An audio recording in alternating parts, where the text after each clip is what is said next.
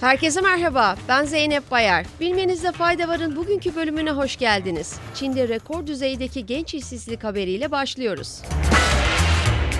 Çin'de Nisan ayında genç işsizliği geçen yıl Temmuz ayında kaydedilen %19,9'luk rekor seviyeyi aşarak 1990'lardan bu yana en yüksek seviyeye ulaştı. Ulusal İstatistik Bürosu verilerine göre 16-24 yaşlarındaki genç nüfustaki işsizlik 0,8 puan artışla %20,4'e yükseldi.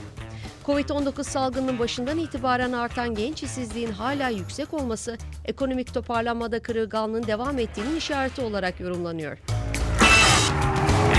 İngiltere'den bir haberle devam ediyoruz. İngiltere'de Londra dışındaki şehirlerde ortalama konut kirası Nisan'da ilk kez 1000 sterlini aştı. İngiltere merkezli emlak şirketi Hampton'ın analizine göre Nisan'da ülkede başkent haricindeki şehirlerde kira fiyatları salgın öncesi seviyelere göre ortalama %26, yıllık bazda ise %7,8 artış gösterdi. Google yanıltıcı bilgilerin yayılmasını önlemek amacıyla görsel aramasına yeni bir özellik eklediğini duyurdu.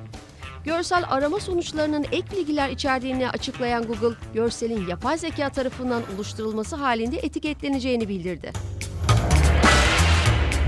Bu yeni özelliğin yalnızca yapay zeka üretimi olan görselleri ortaya çıkarmak olmadığını vurgulayan şirket, kullanıcıların aynı zamanda görselin orijinal kaynağını belirlemelerine de yardımcı olacağını belirtti. Sırada ABD'den ilginç bir sualtı denemesi var. Florida'da bir üniversite profesörü su altında en uzun süre yaşama rekorunu kırdı. Bir çeşit su altı otelinde yaşayan Joseph Dituri 9 Haziran'da su üstüne çıkmayı planlıyor. Su altındaki 74. gününü 13 Mayıs'ta tamamlayan Dituri, sosyal medya hesabından yaptığı açıklamada süreci sona erdirmeyi henüz düşünmediğini, suyun üstüne 100. günü sonunda çıkmayı planladığını belirtti. Son olarak bilim dünyasından sevindiren bir haberimiz var. ABD'de bilim insanları DNA örneklerinin insanın yıkandığı sudan havaya karışan nefesinden veya kumsaldaki ayak izinden bile toplanabileceğini keşfetti. Nature Ecology and Evolution dergisinde yayımlanan araştırma raporunda tükürük, cilt, ter ve kan yoluyla çevreye karışan insan DNA'sının kayıp kişilerin bulunmasına ve adli soruşturmalara yardımcı olabileceği belirtildi.